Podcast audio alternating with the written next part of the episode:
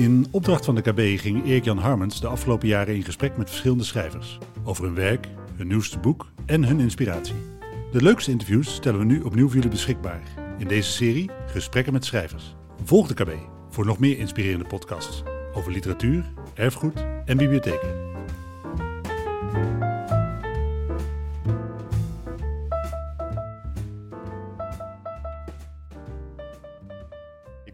Erik-Jan Harmens, ik ben in Rotterdam. Tegenover mij zit Herman Brusselmans, de schrijver. Hij woont niet in Rotterdam, maar we zijn hier voor een festival. En we praten over het 76ste boek van Brusselmans, getiteld Feest bij de familie Van de Velde.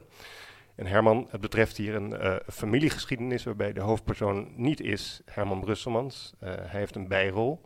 De hoofdpersoon is Mest van de Velde. En hij gaat zijn 85ste verjaardag uh, vieren. Voordat we daarover praten, eerst iets over hem. Kun je hem eens beschrijven voor de bezoeker van Literatuurplein die dit boek dus nog niet heeft gelezen? Mest van der Velde is een eenvoudige volksman. He, begonnen als volksjongen die uh, in het Gentse is geboren en de uh, Tweede Wereldoorlog heeft meegemaakt. En dan uh, na een paar baantjes is hij huisschilder geworden bij een firma. Uh, met z'n drieën zijn ze, de baas en twee schilders. En hij wordt verliefd op een meisje, Ravijn, en daar trouwt hij ook mee en daar heeft hij vier kinderen mee. En uh, heeft eigenlijk een, een, redelijk gewoon leven, maakt nu en dan wel wat mee, maar niks uh, spectaculairs. En dan uh, op zijn 85ste is er een feest. hem geschonken door zijn vrouw en zijn kinderen. En daar zijn verschillende genodigden. Een vroegere collega, een psychiater, waar, psychiater zeker, of een vrouwelijke psychiater waar hij ook bij is geweest. En, uh, en, nog wat mensen. En, en uh, het grote idool van Mest van der Velde wordt ook uitgenodigd. Want hij is namelijk een groot fan van de schrijver die dan mijn naam draagt. Ja, die is eregast. En die zorgt ervoor dat er aan het eind dan, als er uh, het feest wordt beschreven, dat er het een en ander gebeurt. Hoe vindt de schrijver het dat hij is uitgenodigd voor het 85-jarig feest van Mest? de schrijver doet het voor het geld. Nee, 1750 euro. Ja, dat is niet, niet overdreven veel, maar hij moet ook niet ver rijden. Hij rijdt met de motor een paar dorpen verder. En uh, voor 1750 euro komen, komen sommige schrijvers wel eens buiten. dus ik, uh, ik behoor daar eigenlijk wel toe hoor.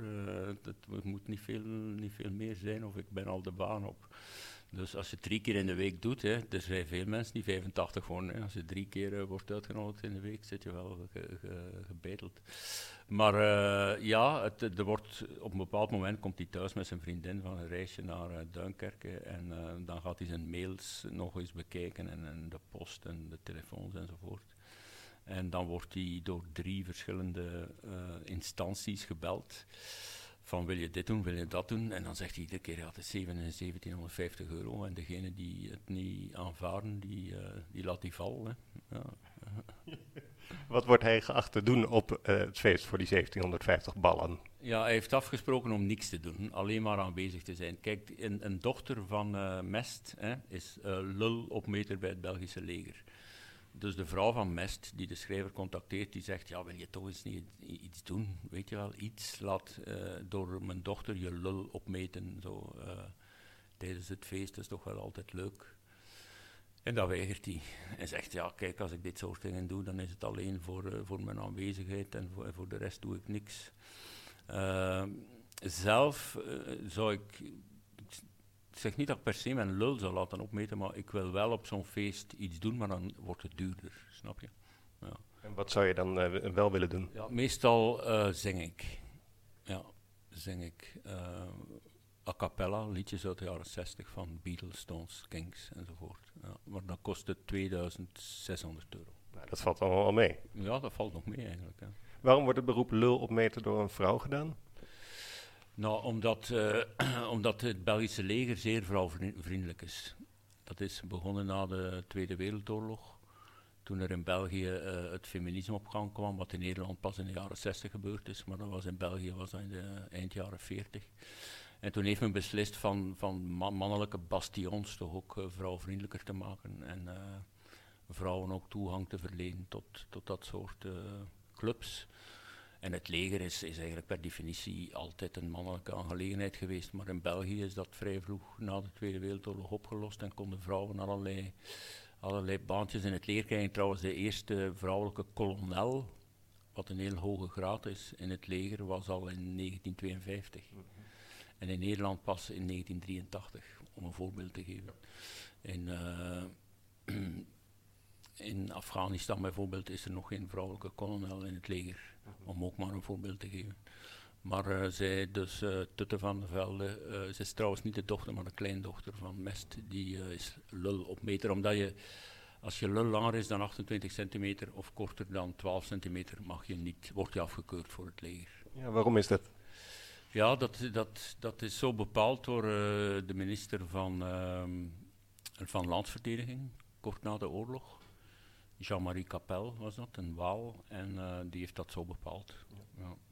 Die was zelf afgekeurd omdat hij maar een lul had van 8 centimeter. Misschien heeft het daarmee te maken, maar dat, dat weet je, dat, dat is de geschiedenis natuurlijk. Oké, okay, um, feest bij de familie van der Velde begint eigenlijk in het heden. We gaan eigenlijk uh, uh, kijken van wat staat er dan te gebeuren. En dan hoofdstuk 2 volgt al snel, dat is het voorafgaande. En ik heb even in je boek zitten kladden, maar misschien zou je het stukje tussen deze twee haakjes willen voorlezen, Herman. Zodat de uh, luisteraar een beetje een idee krijgt van wat, die, wat hem te wachten staat. Ja. Mest van der Velde had tot hiertoe een gewoon leven gekend. Hij was geboren als zelige zoon van Lullaby van der Velde, een stroper, dronkaard, geweldenaar, nerveuze zot en zeker geen koorknaap. Zijn moeder, Question van der Velde, uh, Beertjes, was een dwaze vrouw, analfabeet op de koop toe, en sinds ze dit bij zichzelf ontdekte, besloot ze om nooit boeken te lezen. Met de krant veegde ze haar dikke reet af, zo er al een krant beschikbaar was, en dat was zeldzaam, zeer zeldzaam. Ze was onprettig in de omgang, opvliegend, verstoken van enige persoonlijkheid, enorm gemakkelijk te beïnvloeden, rap op haar teentjes getrapt en zeker geen koorknaap. Ze had geen beroep. Een beroep, zei ze op een keer, ik heb nog liever een zwevende puist in mijn preut. Zoals men merkt was ze grof in de mond. Na de geboorte van Mest liet Question hem alleen drinken van haar linkerborst. Uit de, psychologie, uit de psycholo psychopathologie is bekend dat kinderen in dit geval een onderontwikkelde rechter hersenhelft krijgen. Dit verklaart waarom Mest niet goed was in taal, fluiten en bloemschikken. Als baby werd hij verwaarloosd en als kleuter herhaaldelijk uitgelachen door zijn beide ouders. Zo, zo vonden ze het klaarblijkelijk nodig om het grappig te vinden dat Mest bij het bloemschikken de rozen bij de tulpen schikte in plaats van andersom.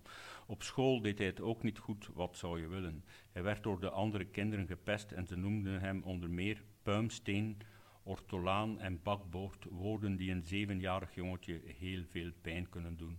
Mest werd verlegen, ja zelfs paranoïde, en verstopte zich geregeld in het kippenhok. Nu hij daar toch zat, probeerde hij zichzelf te vermaken door de kippen te leren praten.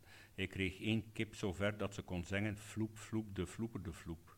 Daar was hij best trots op, maar toen hij tegen zijn vader Lullaby zei: Papa, papa, ik heb de bruine kip leren praten, kreeg hij een oorveeg en de bruine kip werd meteen geslacht voor ze, al was het slechts één floep, tegen Lullaby kon uiten.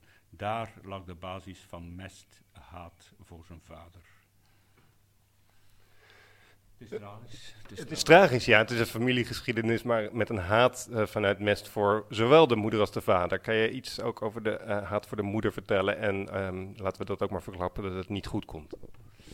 Nee, dus op een bepaald moment besluit hij uh, om weg te gaan thuis. Hè. Hij is nog, nog redelijk jong. En hij ontmoet die mensen dan nog een paar keer op straat. En één keer zoekt hij wel nog contact met hen. En praat hij nog even mee, met hen en dan uh, besluit hij om ze nooit meer onder ogen te komen, omdat gewoon twee klootzakken zijn. Ja. En, maar dat, dat, is, dat is nogal een besluit. Meestal heb je een soort loyaliteit naar je ouders toe, dat je heel veel vergeeft. Bij hem houdt het op. Ja, weet je, kijk, als je inderdaad als, als kleuter uh, in het kippenhok wordt gestoken, en je komt dan nog zover dat je de kippen leert praten, en zelfs daar heb je ouders geen belangstelling voor. Kijk, ik zoek, ik, zoek, ik zoek dat soort dingen natuurlijk in mijn eigen leven. Hè. Dit heb ik niet zelf meegemaakt, maar in onze buurt uh, was een jongetje, André. En uh, ik heb het allemaal een beetje veranderd, opdat het niet herkenbaar zou zijn. André werd in het konijnenhok gestoken. Hm. En die kreeg een konijn zover dat het zei vloepen de vloep. En die, die ouders waren totaal niet geïnteresseerd. En André is dan ook op 16-jarige leeftijd eh, weggegaan als ketelbinkie op een stomschip naar, eh, naar IJsland en nooit meer teruggekomen. Dus het is het is, het is een kwestie van, van hebben kinderen belangstelling, hebben ouders belangstelling voor hun kinderen. En als die er niet is, dan gaan die kinderen terecht, vind ik, eh, op jonge leeftijd al weg. Maar wat zou jij, gesteld dat je kinderen zou hebben, wat, hoe, je, hoe zou jij met ze omgaan op het moment dat zij, laten we zeggen, een prestatie leveren zoals het laten praten van een dier? Nou, ik zou hen zeker feliciteren, op zijn minst. Schriftelijk of mondeling, dat, eh, dat, dat, hangt er nog maar vanaf waar je bent natuurlijk. Hè. Maar goed, mocht ik kinderen hebben, en dat, eh, dat weet je nooit of het nog gebeurt. Hè. Het kan zijn. Uh, we hebben trouwens al namen voor zowel een dochter als een zoon, maar die verklap ik nog niet. Ehm, dan zou ik ze totale vrijheid gunnen. Ook totale vrijheid. Neem nu bijvoorbeeld het drugsgebruik. En vaak zijn mensen er tegen dat hun kinderen drugs gebruiken. Maar mij zou het echt geen fuck kunnen schelen. Nee. Waarom niet? Nou, dan moeten ze, als, als, als ze drugs lekker vinden, waarom, waarom zou je het laten? zou je dan een minimumleeftijd zetten? 12. Ja, ja. ja Zo'n minimumleeftijd vind ik eigenlijk ook al bullshit.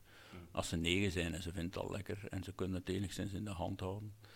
Nee, ik vind het belachelijk dat, dat, kinderen, uh, dat kinderen onderdrukt worden eigenlijk door hun ouders. Vaak. Mm. Ja, belachelijk. Ja. Je hebt het even over de namen van je eventuele kinderen die je niet gaat vrijgeven. De namen in dit boek zijn nogal uh, divers en uh, je zou kunnen zeggen nogal afwijkend. Tegelijkertijd wordt Mest van der Velde vooral met de achternaam gepest. Um, door die hoeveelheid namen krijg je ook een beetje zo'n zo'n familiegeschiedenis zoals, uh, nou laten we eens een Marquez noemen of zo, die ook, hè, al die namen die je dan moet gaan onthouden. Wat is de beste manier om zo'n boek te enteren, als je begrijpt wat ik bedoel? Nou, toch je, je, je verstand er een beetje bij houden. Hè? Dus uh, je hebt al van, van bij de inleiding heb je, heb je door dat er, dat er veel personages zijn. Kijk, mijn personages heten niet Jan, Piet en Klaas, maar hebben, hebben namen zoals Lullaby en Question en, en, en noem maar op, Mest, Ravijn, uh, Tutte. Uh, en waarom zou het moeilijker zijn om dat soort namen te onthouden of, de, of die personages te onderscheiden van andere ja, dat, dat, dat, is vrij simpel. Bij ieder boek, en zeker bij boeken van Marques en van mij, hè, en ik noem nu Marques en mij in één adem, mhm. omdat uh, Marques de, de, de, een grote invloed is. Hè. Dus eigenlijk is dit, dit, dit boek is een soort Vlaamse 100 jaar eenzaamheid, kun je het wel noemen. Hoewel ik het stilistisch wel iets sterker vind, moet ik zeggen, want Marques is natuurlijk niet de grote stilist. Uh, slordig, hè? Ja, een beetje slordig in, in zijn taalgebruik ook. Enfin, ik lees, ik lees zijn boeken in het origineel, in het Spaans. En uh, in het Nederlands valt het minder op, maar in het Spaans is hij bijzonder slordig, stilistisch. Uh, maar het is een goede verteller, laten we het daarbij houden. Ja. Ravijn wordt in het boek, Ravijn, eh, de vrouw van Mest, wordt in het boek depressief. Uh, moet zich dan in een donkere kamer ophouden en geeft Mest toestemming om buiten natuurlijk om ehm, aan zijn seksuele gerief te komen. Uh, hoe was dat om te schrijven? Was dat zwaar? Nou, ik heb daar even moeten over nadenken. Over uh, toen, toen um, Ravijn depressief werd, uh, dacht ik, is, is dat, is dat dan per definitie dat ze geen seks meer wil. Hè? Met andere woorden, depressieve mensen, hebben die nog zin in seks of niet? En ik heb dan even naar een therapeut gebeld die daarmee bezig is met dat soort materie. En die heeft gezegd dat, uh, het was denk ik 86% van de depressieve mensen heeft geen zin in seks. 14% doet het dan wel nog. En ik vond het wel beter eigenlijk om, om de vrouw van, om Ravijn, dus de vrouw van Mest, geen zin te laten hebben in seks. Maar ze houdt heel veel van hem en ze is wel zo begripvol dat ze zegt, kijk, ja, ik, als je geen seks uh, hebt met mij, dan moet je het ergens anders gaan zoeken. Ik weet dat je een gezonde man bent en er wel nu en dan behoefte aan hebt. En dan is zij bij een prostituee gegaan, ja. Ja, die dan ook een soort van vriendin wordt. Ja.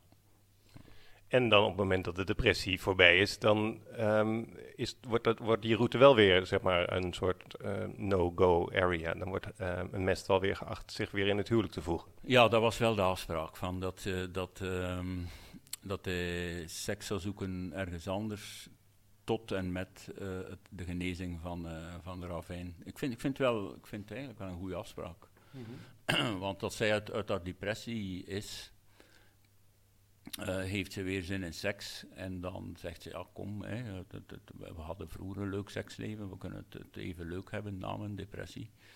En dus die vrouw, die prostituee, beschouwde hij niet als een vriendin, maar niet meer als een sekspartner. Ja.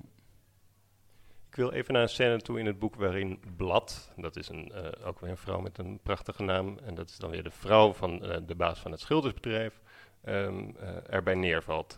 En um, daarin zeg je het volgende, je zegt, je ziet dan maar dat gezonde mensen vaak aan de rand van het graf staan en erover duiken.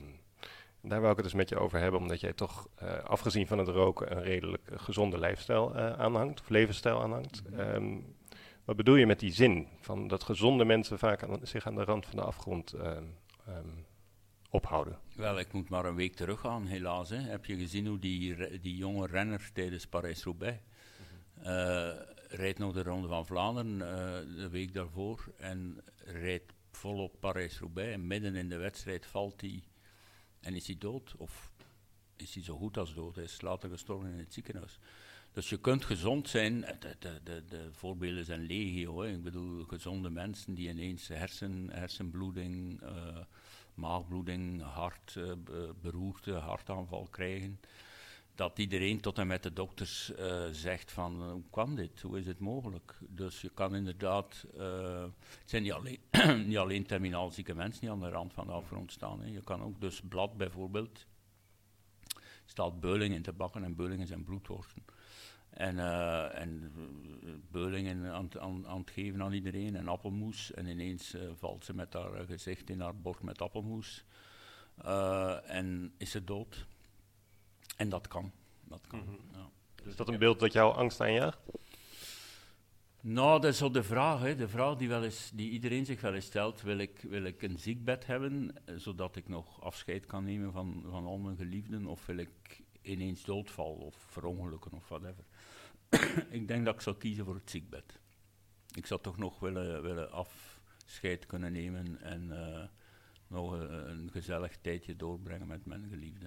Ja. Ik vind, kijk, als ik met een motor ga rijden bijvoorbeeld, dan denk ik wel eens, ja, weet je, ik durf nog wel eens uh, wat snelheid te halen en zo. Denk ik ver, verondersteld dat je uit de bocht gaat of je rijdt in een boom. En je lijk, uh, ligt daar ergens volledig verhakkeld in de Gentse kanaalzone. Dat is toch wel een triest beeld natuurlijk. Je bent dood, hè. zelf zie je het niet meer of weet je het niet meer. Maar pff, natuurlijk, ziek zijn is, is altijd verschrikkelijk. Een ziekbed, zeker als het bijvoorbeeld terminaal is of zo. Maar uh, dan heb je toch nog een beetje tijd met de mensen uh, van wie je houdt en met wie je nog omgang kunt hebben.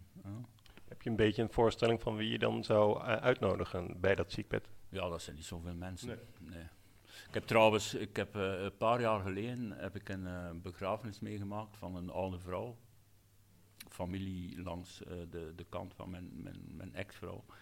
En die had een, een hoe, hoe heet dat, een, een begrafenis in een besloten kring. Mm -hmm. Er waren twintig mensen. Geen gedoe, geen speeches, één nummertje muziek die oude vrouw hield nogal van metal, dus dat was, was uh, Run to the Hills van Motorhead is, dat, uh, is daar gespeeld. En, en dan dacht ik, dit wil ik ook. Dit wil ik ook, zo tien of uh, voor zover het mogelijk is, twintig mensen. En dan naar kerkhof en weg. Ja. Ja, en dan ook een besloten begrafenis, vraag me nu spontaan of. Ik heb, uh, onlangs hebben we er twee weggebracht, twee schrijvers in Nederland, Menno Wigman en F. Starik. En dat waren allebei vrij massale begrafenissen, toch? Met heel veel uh, mensen. Uh, zou je die ook heel, dat ook heel klein willen houden?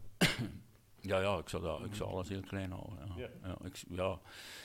Kijk, je moet er altijd bij zeggen, ik weet het niet meer. En het zijn de mensen eigenlijk die, die overblijven, die het kunnen organiseren. En je kunt tegen die mensen zeggen vooraf van als ik ooit doodga, doe, doe, doe met mij wat je wil. Of je kunt vooraf alles vastleggen. En ik, ik ga vastleggen dat ik uh, in kleine kring, of hoe heet dat, uh, begraven wil worden. Kijk, het is natuurlijk, ik ben zinnes om, zinnes, ik zou willen 90 worden of zo. Je zou kunnen zeggen, in alle bescheidenheid, mocht ik morgen doodgaan, dat er misschien dan wel literair gezien wel iets te doen is. Weet je wel, dat er wat schrijvers zijn op de begrafenis enzovoort. Maar ik ga ervan uit dat als ik 90 ben, dat ik totaal vergeten ben. Dan niemand, of uitzonderlijk hier of daar ergens iemand weet dat ik ooit geschreven heb. Uh, en dan is het sowieso al geen probleem dat er veel mensen zouden opduiken als niemand weet wie ik ben, behalve mijn... Uh, mijn vriendin en, en nog wat mensen. Dus als ik die redenering doortrek, dan zou je verrast zijn als je op je negentigste nog uh, zoveel gevraagd bent als nu. En zoveel gelezen bent als nu. Ja, ik denk het wel. Ken jij schrijvers van 90 die nog volop... Uh, Remco Kampert, 88, die is nu ook gestopt. Hè. Die, die, gaat er ook mee ophouden. Ja, die was Kijk, Rem, Remco is fantastisch en Remco is nog, uh, is nog gis in het hoofd. Maar ze moeten hem wel, nadat hij zijn tweede fles wijn geledigd heeft, moeten ze hem wel met drie man het podium op, op, opdragen en met vier man er weer, weer, vandaan halen. Dus uh, ik weet niet of ik het nog zou doen, ik denk het niet. Ik denk niet dat ik zinnig ben om te stoppen, maar ik denk niet dat je als je rond de 80 bent nog, misschien wel hoor, ik, ik, ik zit ineens te bedenken, misschien, waarom ook niet? Waarom zou je niet als je 80 bent nog, nog, nog boeken schrijven die nog maar goed, Remco Kampert is toch het enige voorbeeld wat ik op hem om. Heb jij nog uh, van die mensen van, die zo oud zijn, die nog, uh, nog wat betekenen? Zo? Uh, ik weet niet, hoe, hoe, oud... Ja, die is jonger, hè? Leonard Nolens is... ja, ja, is maar 70 of zo. Ja. 70. Kijk, op 20 jaar kan er veel gebeuren. Kijk, ik zeg dan niet zomaar, hè, van die schrijvers die... Die als ze dood zijn of, of, of als ze heel oud worden, die, die vergeten zijn. natuurlijk, iemand die nog maar een fractie geïnteresseerd is in literatuur, die weet wie Gerard Teven is, Willem Frederik Hermans, Arie Moelis, Hugo Claus, Jan Wolkers, de groten, die nu allemaal binnen, uh, binnen de tien jaar allemaal gestorven zijn. Maar vraag eens op straat dan tien mensen, noem eens drie boeken van Jan Wolkers. Mhm. Niemand kan het. Mhm. Heel uitzonderlijk. Dus ja, als, als, zelfs die mensen ben, na, na tien jaar na een begrafenis zo goed als vergeten zijn, waarom zou ik het dan niet zijn? Vraag de mensen op straat naar Mar Marques, weten ze ook waarschijnlijk niet. Nee, ja, vooral de mensen op straat iets, weet je wel. ja, 9 van de 10 weten niet dat, uh, dat, dat, dat er iets aan de hand is in Syrië. Dat, uh, maar is het erg om vergeten te worden? Nee. Nee, nee kijk, ik ben tevreden met wat ik tot nu toe gehad heb als, als schrijver. Hè. Ik heb uh, niet onaardig verkocht, ik heb altijd mijn werk gehad. ik word hier en daar gevraagd, dus ik ben wel tevreden. En als het, ik, in de, de, laten we zeggen, mijn, hoogte, mijn, mijn hoogtepunt punten zaten in de jaren, eind jaren 90, begin jaren 2000. Daarna is het allemaal wat minder geworden, hè, uh, minder boeken verkopen enzovoort. Maar uh, ik lig daar niet wakker van. En op den duur word je sowieso een meubel in de literatuur. Mhm. Of, of in welk vak je ook zit. Op je, de meeste mensen gaan op hun 60 65 met pensioen. Ik ben sinds om bij leven en welzijn door te gaan met schrijven. Maar je wordt toch, toch een soort meubel en niemand kijkt nog op van wat je doet. 30 jaar geleden schreef ik dingen waarover dan een heleboel heisa was enzovoort. En, en, maar nu ligt niemand er nog wakker van. Nee, ehm, als Mest van de Velde uit jouw boek terugkijkt um, um, op zijn leven, nou dat is eigenlijk niet helemaal als hij terugkijkt, maar hij noemt zichzelf een hol vat vol leegte. Dat is niet de meest uh, opbeurende uh, autobiografische persoonsbeschrijving. Nee, maar dat is, dat is ja, wat, wat eigenlijk iedereen die achterom kijkt misschien wel moet besluiten. Wat bedoel ik met een hol vat vol leegte? Ja, iemand die eigenlijk niet veel heeft voorgesteld. En ik vind dat behalve mijn vriendin uh, niemand eigenlijk iets voorstelt. Nee. Maar ja, dat komt natuurlijk omdat ik enorm verliefd ben. Hè. En, dan denk, en dan denk je, mijn vriendin is geen hol vat vol leegte. Het is een vol vat vol Volte. Volte, ja. dus snap je, dus uh, ja, ik, ik zeg altijd, we zijn allemaal sukkels. We zijn echt allemaal losers en sukkels. En zelfs de meest zogenaamde succesvolle mensen, die hebben ook altijd wat, weet je wel. Die, die, de kleur van hun haar uh, verandert om de drie weken, uh, spuiten zichzelf op botox, kopen weer een nieuwe auto, hoewel ze er al 25 hebben. Snap je? Dus het is altijd wat. Ja. ja.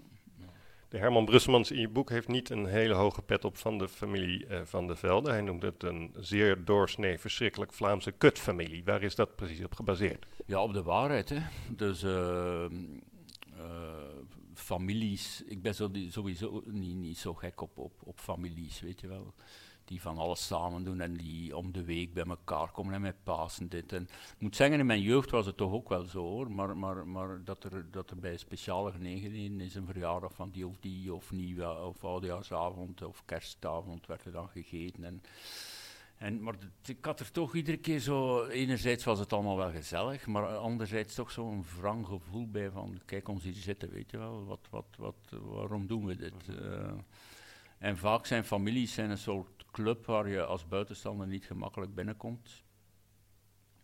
Want zelfs als er ruzie is in families, wordt er toch gezegd: ja, maar ja, het is toch je broer of het is toch je moeder. Terwijl je vaak zo het gevoel hebt: wat heb ik met die mensen te maken?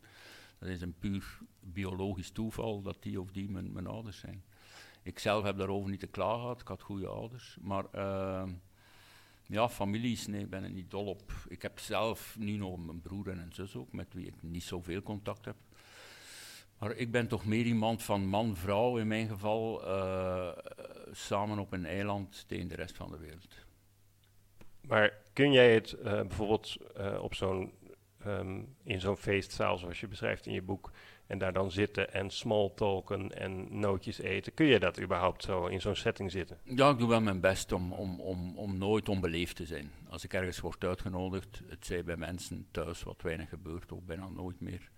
Of het zij inderdaad, ik moet ergens zijn uh, waar mensen zijn en waar gegeten en gedronken. Kijk, bijvoorbeeld, ik ben Peter van een, zo heet dat dan, Peter van een mini-voetbalclub, een zaalvoetbalclub in, in Hamme, mijn geboortedorp. En die mensen doen twee keer per jaar geven die zo'n lunch en dan de wedstrijd en daarna nog koffie en sigaren enzovoort. En daar, daar zit ik inderdaad met mensen te praten. En de ene is dan wethouder van iets in Hamme en die voelt zich wel redelijk belangrijk en zo. En, en de andere is dit en de andere is dat. Daar zit ik dan tussen en dan denk ik van, ja, ja, is dit nodig? Maar dan, dan ben ik wel zo beleefd genoeg dat ik met de mensen wel meepraat. Mm ja, ja, ja. ja, ik ben nogal uh, nogal van de sociale beleefdheid, zal ik maar zeggen. Ja, je zult mij nooit een, een, ik, hou, ik hou totaal niet van, van scènes, zo, weet je wel van, van dingen, uh, mensen die roepen in een restaurant of ruzie maken of zo. Dat, vind ik verschrikkelijk. Maar je kan niet dan van binnen jezelf opvreten of mensen van binnen iets willen aandoen in je, in je fantasie, zeg maar. Ja, maar ik vreet me bijna continu op. Ja. Ja, je zou kunnen zeggen, ik zit me nu ook op te vreten, maar dat ga ik dan niet doen. Ik kan het niet zeggen, weet je wel. Want we zijn er toch bijna doorheen. Hè. Dus, uh, maar ja, ik vreet me geregeld op zonder dat iemand het merkt. Ja. ja, Nu word ik bang. nee, is niet nodig. Het is je 76 bezoek. We zijn inderdaad aan het einde van het gesprek gekomen. Behalve dan de vraag, Herman, uh, wat nu? Wat ga waar ben je nu uh, mee aan het werk? het volgende is klaar, komt in september. Uh, Achter een struik heet dat. En het boek daarna, wat nog geen definitieve titel heeft, komt dan in het voorjaar van 2019. Maar het zijn drie boeken van de Velde dat het de, achter een struik en dat derde, die met elkaar te maken hebben. In die zin dat ik drie verschillende, op drie verschillende manieren het ik-personage tot een B-personage wilde maken. En zoals in Van der Velde komt die Herman Brusselmans eigenlijk pas echt op de proppen uh, aan het eind. Mm -hmm. En zo wil ik drie boeken schrijven. Drie verschillende settings, drie verschillende redenen waarom het ik-personage maar een B-personage is. En dan uh, wordt dat een trilogie die gebundeld wordt onder de titel Het Dolly Drieluik. Het Dolly Drieluik? Ja, omdat Dolly drie keer ook een, een bijpersonage is. Ja. Maar waarom vind je het interessant om een, uh, een, een hoofd, van een hoofdpersonage een bijpersonage te maken? Ja, zo, dat was zo'n idee. Zo. Waarschijnlijk is het wel al gedaan. Niet bij mij weten in de, Vla in de Vlaamse literatuur. Maar uh, ik dacht, ja, oké, okay, laat ik zo is het, is een boek schrijven. En vaak denk ik toch wel in drie boeken van er zit nog meer in. Ofwel maak je een dikker boek, ofwel maak je een heel ander boek dat toch op, de, op dezelfde leest geschoeid is. En daar, heb ik nu wel, daar ben ik nu mee bezig. Ja. Dankjewel. Graag gedaan.